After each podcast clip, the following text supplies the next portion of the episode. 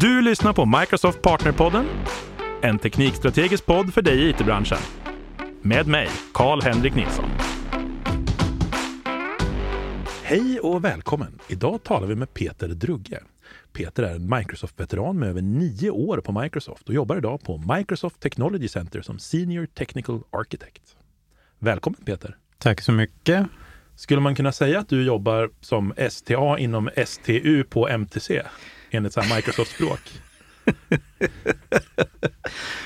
Pass. Det var många akronymer. Ja.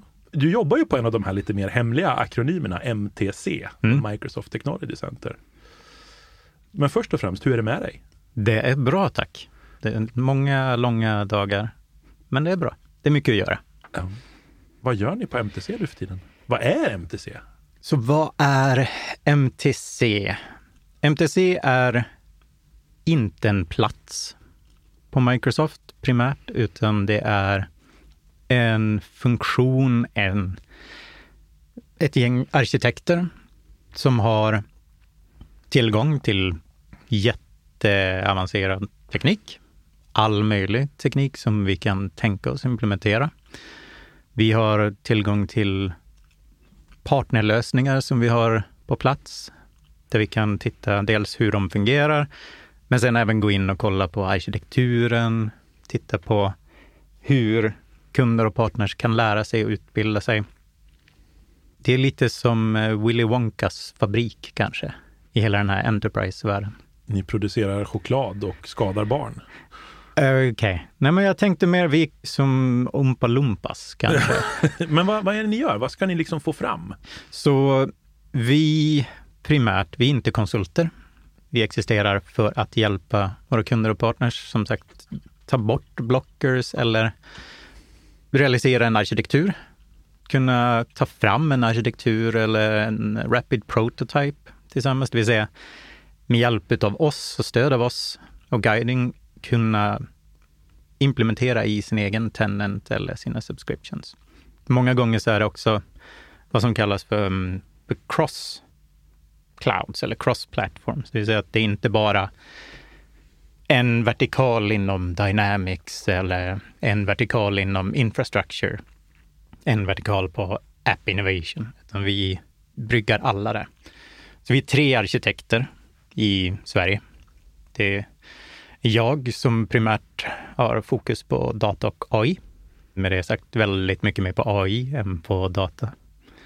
För jag är utvecklare och jag gillar att koda. Jag tror att om man läst nyheterna om Microsoft senaste tiden så har vi varit ganska tung på AI, även om det händer mycket roliga saker på datasidan också. Ja, absolut. Och sen har vi även då Infrastructure och Dynamics. Eller BizApps eller vad de nu hette. Fusion, Dev. Kan du ge oss något exempel på något projekt du håller på med? Så vi förstår lite mer vad man faktiskt gör. Utan att gå in på namn och så. Jag jobbar mycket med machine learning mycket med AI-modeller. Vi har många kunder som jag jobbar med primärt handlar om MLOps, det vill säga Life Cycle Management för Machine Learning. Varför har det blivit så hett? Därför att eh, AI vart hett. Det blev det här buzzwordet som alla kunde hänga på någonting och så kunde man göra en, en ny modell och ta med pengar. Nej men skämt åsido, AI blev hett och alla ville vara med på tåget. Så alla gjorde sina egna mm, pockar, proof of concepts. Alla gjorde det på olika sätt och ingen, nästan ingen, det är klart några var duktiga, men många tyvärr byggde utan att ha deploymenten i åtanke. För... Ja, men, för, men, du kanske kan klara för mig, när man säger MLOps för mig, då tänker jag att det är den delen av automatiseringen kring träna sina modeller, alltså att automatisera sina modeller mer, inte själva deploymenten av produkten som konsumerar modellerna, eller? Mm, jag skulle ändra dig där ändå. Okej. Okay. För det är en del av den biten är MLOps, men MLOps är mycket mer än så. Du väver in hela ingestion-biten och data transformations, också en viktig del av det. Om man tänker efter, så modellen tränas ju på datasätten. Mm behöver du träna om en modell, träna en ny modell, kunna jämföra dem, då behöver du kunna generera om datasätten på ett naturligt sätt. Så att det är även med data pipelines. eh, Absolut. Så om vi tänker oss ett eh, industry case. Det kan vara egentligen från maskinen som rapporterar vibrationsdata på en bearbetningsprocess in i eh, en data pipeline som gör någon datamassering eller vad man ska Är kalla det det, så för. det kallas? Ja, Ja, jag ja. vet inte. Har du något bra ord för det? Så? Massering är bra. Ja, och sen in i, i själva träningsdelen. Allt är automatiserat och via MLOps menar du? Ja, så mycket som möjligt. Automatisera mera. Det är bra ledord. Du tar data transformations, massagering, massage av datat. Eh, Den biten är jättebra automatiserbart. Men Likaså, när man sen deployar modellen, när du är nöjd med den, eller vi går ett steg bak, när du tränar modellen, så är det inte, det är inte bara en modell som du kanske tränar, du tränar den flera gånger, du tweakar hyperparameters, du vill jämföra olika algoritmer. Flera olika sätt att göra det på, men du behöver ett repository, ett, ett sätt att jämföra dem och kunna korrelera vilken som är bättre än den andra. Hur gör man det? Det här är väl each to his own. Jag förespråkar Azure Machine Learning. Jag ändrar mig precis. Hur gör du det? Ja, Azure Machine Learning kanske är lite biased i en värld där man inte ska vara biased. Det här heter Microsoft Partnerpodden och jag tror vi säger Microsoft 14 gånger i introt. Det är Ja. lugnt. Så där jobbar jag nästan uteslutande. Men det finns ju fler jättebra plattformar som Databricks och sånt där också. Där i Azure Machine Learning så jobbar vi med experiment och man sätter upp sina projekt och sina jobb. De körs, telemetrin loggas, hur det går loggas, modellen när den är färdig kan du lagra. Du kan skapa automatiserad deployment, det vill säga den paketerar allting som är modellen. Scoring, fil, dependencies-filerna, the works, i en container. Containern kan du deploya till managerad endpoint eller till Kubernetes eller AKS eller på Edge via Azure Arc och det. Men det är ju där, efter deploymenten, det är ju egentligen där det börjar. Och det är där som typ ingen nästan har tänkt. För en machine learning-modell, den degraderar med tiden. Tänk en webbapplikation. Mm. Byggde du en intern webbapplikation, den kunde leva i 20 år, 25 år. Om den bara var intern och ingen gjorde någonting med den. Den fyllde sitt syfte och den snurrade. Men en machine learning-modell funkar inte så. Jag vill, jag vill hävda att en webbapplikation inte heller funkar så. Jo, men en intern en. Degraderar över tid. Ja, men du, du har någon sån här, här går jag in och För 25 trycker år sedan så hade det knappar. varit, IE6 hade ju varit coolt då. För 25 år sedan så var den appen cool också, så det gör inget. Men okej, det är lite intressant. För det låter ju ändå ganska mycket precis som vilken vanlig automatiserad ALM-flöde som helst när du beskriver det sådär. Ja. MTC-delen som kommer in i det här, det är väl egentligen att ni ska bevisa vad som går att göra egentligen med, våran, med Microsofts teknik. Absolut. Eller med våra tekniker och våra partners tekniker också. Så vi lyssnar väldigt mycket. Hur kan man som partner samarbeta med MTC? Går det? Det går. Då hör man av sig till Karl-Henrik Nilsson. Man hör av sig till sina partnerkontakter på Microsoft och frågar dem, vad är MTC? Hur kommer vi i kontakt med dem? Och så ser vi till att de har ett bra svar på det. Och det är liksom om man vill vara med och demonstrera egentligen mer cutting edge programvara, kanske vill positionera sig som en av dem som bygger senaste häftigaste grejerna antar jag. Absolut. Eller också är väldigt pålitliga och duktiga på att ta hand om allting annat som inte bara är bleeding edge. Det skulle jag säga. Vi har ju fantastiskt duktiga partners. Lokalt i Sverige har vi ju jätte, jätteduktiga partners. Så vi vill gärna jobba med dem och vi skalar ut jättebra med dem. För som tre arkitekter, vi kan inte göra allting.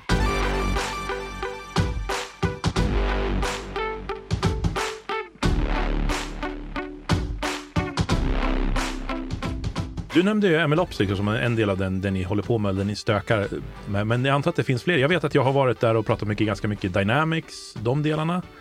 Vad mer håller man på för skoj? Just på MTC i Stockholm har man ju sett ganska coola grejer byggt i lego. Med Ja. AI och så sortera bollar och prylar och sånt där. Bygger man mycket sådana grejer fast alltså i verkligheten? Så um, i verkligheten så kom den levererad i en sån här stor eh, containerlåda i plast. Nå. Ja. Men absolut, man kan bygga den igen om man vill. Men det är en bra fråga. Vi har hackathons, vi har eh, workshops, vi har ju dels externt med kunder men, och partners, men också internt. Där vi kan agera lite mer som garage. Lite inspiratörer till vad man, the art of the possible då eller?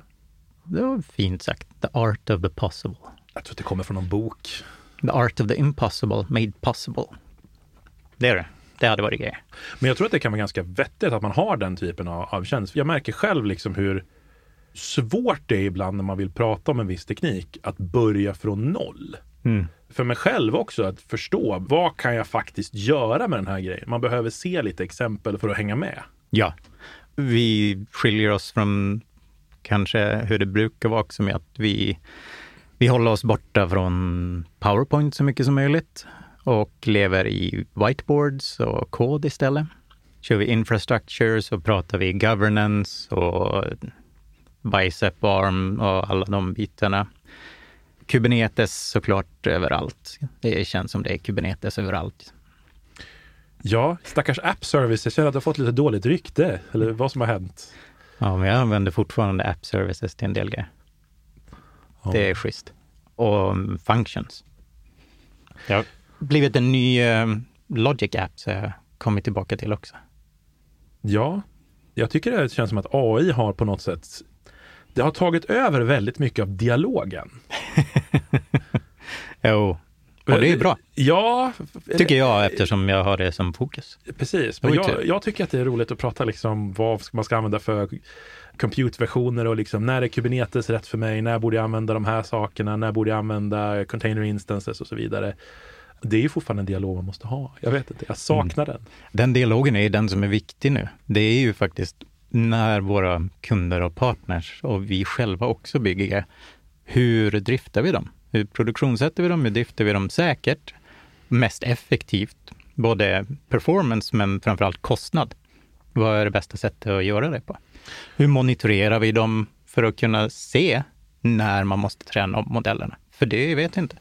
Det är domänexpertisen som gör ett jättejobb där. Absolut. Och nu när vi börjar hosta mer och mer AI i containers också så känns det som att det kommer tillbaka ganska mycket klassisk applikationsarkitektur för att kunna driva framgångsrik AI. Ja. ja, men de modellerna från Microsoft som finns tillgängliga också, Cognitive Services till exempel, där vi har många i container-erbjudande. De behöver vi alla ha lite mer förståelse för och koll på. Och där kan kunden själv då välja hur mycket de ska skala istället för att sitta Ja, och på tal om att App Service har kommit lite i skuggan av Kubernetes så kan man väl säga att Cognitive Services har kommit väldigt mycket i skuggan av OpenAI som vi pratar så mycket om hela tiden. Ja. För väldigt, väldigt mycket av de saker som folk kommer till mig och säger jag skulle vilja bygga det här med OpenAI. Varsågod, här är ett rest-API till Cognitive Services som jag kunde ha gjort i fyra år. ja men grejen är, alltså vem pratar inte OpenAI just nu? Nej, absolut. Hur många av de tidigare som du har intervjuat har inte nämnt ChatGPT eller OpenAI? Det var länge sedan någon inte gjorde det. Ja, men nu är ju alla de tjänsterna är ju i Azure, som Azure OpenAI. Så nu, vi har alla de här, ChatGPT kom ju nu också. Ja, Igår faktiskt kom den ut. at time of recording. Mm, just det, här time of recording. Vi har Da Vinci-modellerna, de här text och Codex och allt sånt. Codex är ju det som GitHub Copilot bygger på. Ja, för det finns en hel hög med olika modeller väl? Men Mm. DaVinci är för att generera snygg text väl? Ja, alltså Babbage, ja, det är en komplexitetsmodell, eller en längd på många som de har. Det är 175 miljarder i Da Vinci, medans sen så går de ner och ner eh, i Mm. storlek allihopa. Precis, men det är också olika prismodeller för att köra dem olika. Så Ja. du, du ska ju försöka hitta den minsta du klarar det med. Jag brukar alltid starta med Da Vinci. Det är enklast. Sen så får man gå baklänges. Men det är en rolig värld. Det är en fantastiskt rolig värld dit vi är på väg med det här. För det här kommer byggas in, tror jag, i alla program, alla typer. Till och med, inte bara i applikationer, men i samhället också. Ja, jag tror att det är ett annat sätt att tänka helt plötsligt också. För att man helt plötsligt kan få... Ja, men som du och jag, vi satt och pratade här om kvällen. Ja. pratade vi om, om att bygga, eh, det var dina barn som skulle öva med flashcards om jag kommer Japp. rätt. Och det tycker ju jag är ett superbra sätt att lära sig saker. Jag, jag har massor med konstiga flashcards med keywords från C-sharp nedskrivna på. Du har gett mig den genomgången många gånger. KHs Måste lära dig, Peter. 5000 bästa tips på hur man lär sig mest effektivt. Precis. Men du hade ju en jättebra idé där, att man faktiskt skulle kunna mata in de frågorna i ChatGPT och sagt åt den att ge mig samma fråga men på ett annat sätt tillbaka. Absolut. För att man inte ska bli liksom van själva frågeställningen och komma på provet sen och så bara shit, jag vet ju inte. Och idag så fine-tuning av de här modellerna kanske inte är så kostnadseffektivt utav att göra för varenda, vad ska man säga, projekt eller någonting som man gör med flashcards. Men att bara istället använda DaVinci eller någonting och skicka in prompten. Säga det här är, så beskriver man vad det är för någonting. Flashcard är frågeformulär. Här är frågan, skriv om den. Så kan man säga, men för en 14-åring, för en 10-åring, för en 42-åring, Undrar vad, vad den skulle göra för skillnad där. för norrlänning som mig. Så här. Ja, för jag, jag provade lite grann och skickade in och så sa jag så här, ge mig eh, tio flashcards med fakta om George Washington. Ja, Och den gjorde det riktigt snyggt faktiskt. Så att eh, den förstår konceptet. det är ju coolt. Det här borde vi faktiskt ta och bygga. Ja, precis. Men sen tror jag, det här byggs ju in så mycket, det kommer byggas in säkert i hur man skriver mejl, hur du svarar på chatt i Teams och Slack och allt sånt där. Hur du för en dialog framåt, så använder vi då kanske OpenAI-modellerna mer och mer för att generera vårt meddelande. Vi sitter och är lite dirigenter utav det. Mm. Och det ser jättebra ut och alla är jättenöjda när man tittar på mejlet eller på LinkedIn-artikeln som den har skrivit. Den är så fantastisk. Jag tror också vi kommer att se det här omvända, vilket är lite paradoxalt, men det kommer också vara OpenAI som summerar alla de här sakerna åt de som ska läsa det. Fast det där gör mig ju vansinnig. Alltså, jag kommer använda OpenAI för att skriva ett långt och tydligt mejl och så kommer någon använda det för att summera tillbaka det till ungefär de få rader jag hade orkat skrivit. Typ exakt så. Det, jag gillar inte det alltså. Jo, men jag tror att det är mänsklig natur. Vi vill vara uppfattade som professionella, duktiga, ha ett bra innehåll, tydligt budskap i det som vi levererar. Men vi vill ta in oss det så komprimerat och effektivt som möjligt, den eh, informationen. Så det är, jag menar, det är ju smart. Det blir två produkter istället för en produkt. Jo, fast då är det ju bara en massa CPU-cykler som bara waste. Det kommer sluta med att någon kommer skriva så här AI-prompten. Skriv den här texten och summera. Nej, det kommer Men du, det är ganska coolt det vi kan göra idag med de här produkterna. Mm. Vad är liksom nästa steg? Så nästa steg är GPT-4. GPT-4. Det är helt klart det som kommer väldigt snart. Inom en snar framtid. Det känns som att du har ett datum du inte får säga här. Nu säger sådär. I can neither confirm nor deny that. Vad kommer ChatGPT 4 vara, göra som inte ChatGPT 3 kan? Den är, eh, tror jag, jag kan säga tror här, multimodal. Det vill säga att den kommer att kunna förstå kontextet både visuellt och text tillsammans. Den kan konferera mellan den multimodala och till exempel en language-modell också. Vi kanske ska förklara begreppet multimodal. Så vi kan ta in flera intryck, kanske man ska se det som. Som människan är multimodal. Vi kan ta flera intryck i form av det vi ser och det vi hör och det vi läser, det vi känner. Så, Och det kan vi kombinera till ett. ja, så eh, GPT-4 skulle kunna skriva en artikel och kanske skapa bilder och generera en ljudström då eller? Och det som vi ehm, Eller kommer den bara kunna förstå de sakerna? släppte papper på en modell som heter Cosmos 1 som är multimodal och den verkar väldigt lovande för den kan titta, man kan applicera de här modellerna då på videos till exempel. Inte bara på en bild utan på en hel video. Du kan titta på bild och text eller du kan titta på bilden och även förstå vad bilden är. Eller om vi vänder på det, du kan be om att få en kategorisering, en klassificering utav de saker som finns i bilden bara genom att interagera med den här modellen och skriva vad du vill. Hur många personer i bilden är glada? Ja, typ så. Förstår. Men den kommer kunna tolka informationen egentligen från multipla olika typer av källor. Ja. Och sen så har ju, ju mer de här modellerna vuxit, de är ju large language models, nu blir det väl då multimodal language model, MLLM.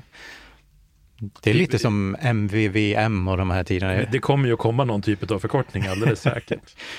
Det som har hänt under resans gång med de här modellerna är att de har vuxit i komplexitet, det vill säga hur många features eller parametrar som de är uppbyggda på. Och idag så är vad var det, 175 miljarder eller liknande. Mm. Otroligt många signalpunkter. Ja, men det som GPT-4 kommer att vara, kommer nog att vara betydligt fler än det också. Men GPT-3 är ju inte den största som finns idag, men vart GPT-4 kommer att vara, det kanske vi faktiskt vet när det här sänds. Får lägga med lite länkar och grejer i. Så. Jag hade ju tänkt att vi skulle prata MTC. Det blev mest AI idag. Ja, men eh, hör av er till partnerna, eh, eller partnerna hör av sig till oss, till sina partneransvariga, så kanske man ska säga. Jag tänker att vi lägger med lite länkar också. Man kan läsa lite mer på om man vill. Man kan fråga ChatGPT vad MTC är. Svarar den rätt? Ja, det hoppas jag. Har du testat? Ett par gånger. Stort tack för att du var här Peter och förgyllde vår eftermiddag lite grann. Men tack själv. Du har lyssnat på Microsoft Partnerpodden med mig, Karl-Henrik Nilsson.